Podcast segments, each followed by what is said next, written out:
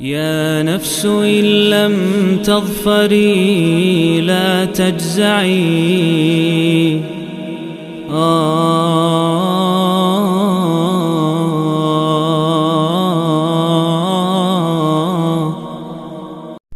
Bismillah, Alhamdulillah, wassalatu wassalamu ala rasulillahi amma ba'd Para hadirin yang dirahmati Allah Ini adalah lanjutan dari serial 114 hari menyambut bulan Ramadan Dan kita di surat Al-Asr, surat ke-103 Surat ini merupakan surat Makkiyah Turun setelah surat Ash-Sharh atau Alam Nashrah Dan turun sebelum surat Al-Adiyat.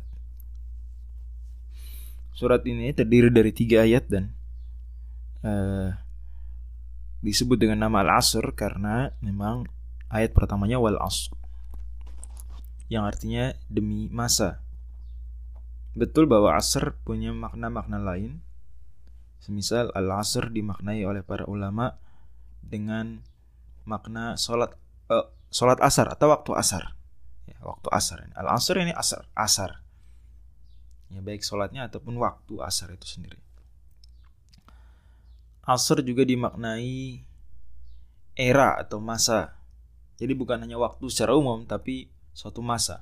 Dan memang itu bisa ya kita tahu ya ada asr al asrul jahili ya al qusurul wusto itu istilah-istilah. Jadi ages ya kalau di bahasa Inggrisnya. Age itu bahasa Arabnya asr. Dan itu istilah klasik juga bukan istilah modern belaka. Asr juga punya makna lain. Kalau itu dua tadi terkait dengan dengan uh, waktu ya erat kaitan. Ada asr makna lain itu memeras, perasan. Jus dalam bahasa Arab itu bahasa Arabnya asir, ya. Memeras itu sendiri bahasa Arabnya yaksiru di surat al surat Yusuf Allah firmankan ini aroni aksiru khamra ya jadi memeras anggur supaya menjadi khomer ya, ini orang tersebut menghikayatkan apa yang dia lihat dalam mimpinya.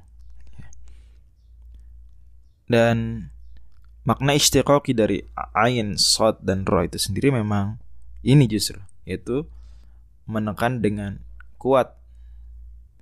Sehingga akhirnya kemudian mengalirlah menekan dengan kuat itu asr ini memeras.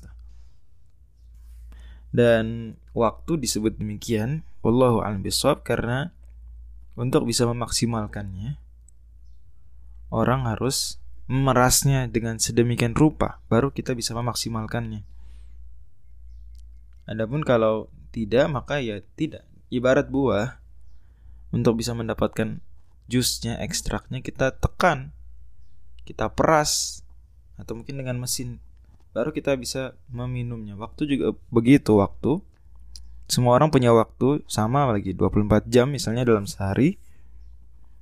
Ya, terus bagaimana memaksimalkannya, memanfaatkannya?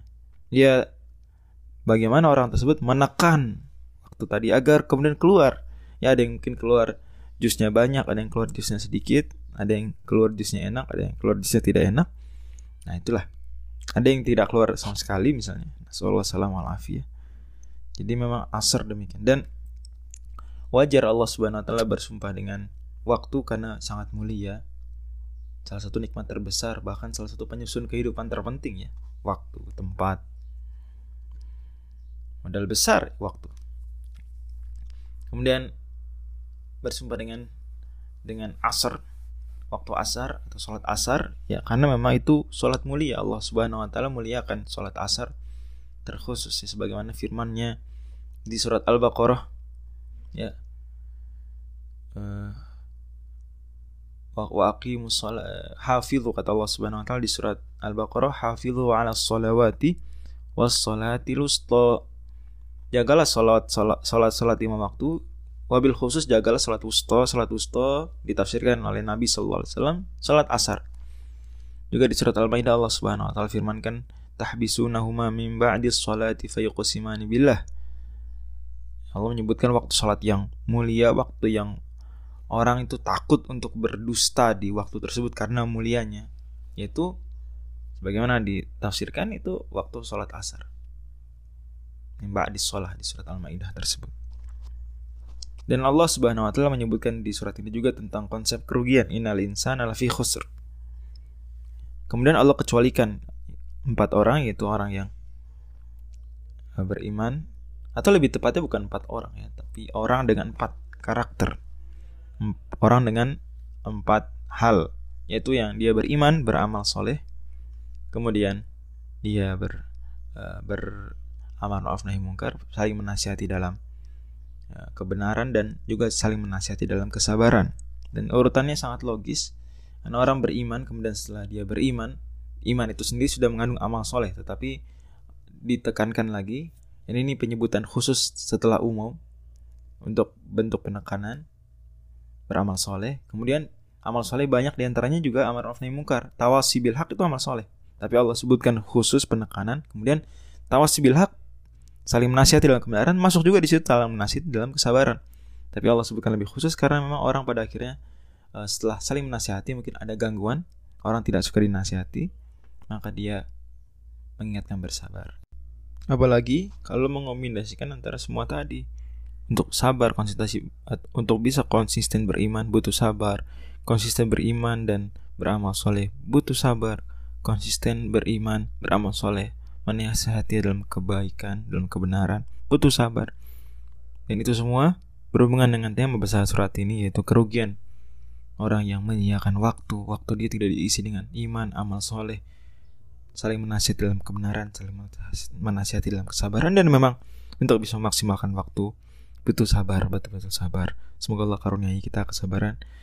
Amin. Ya Amin.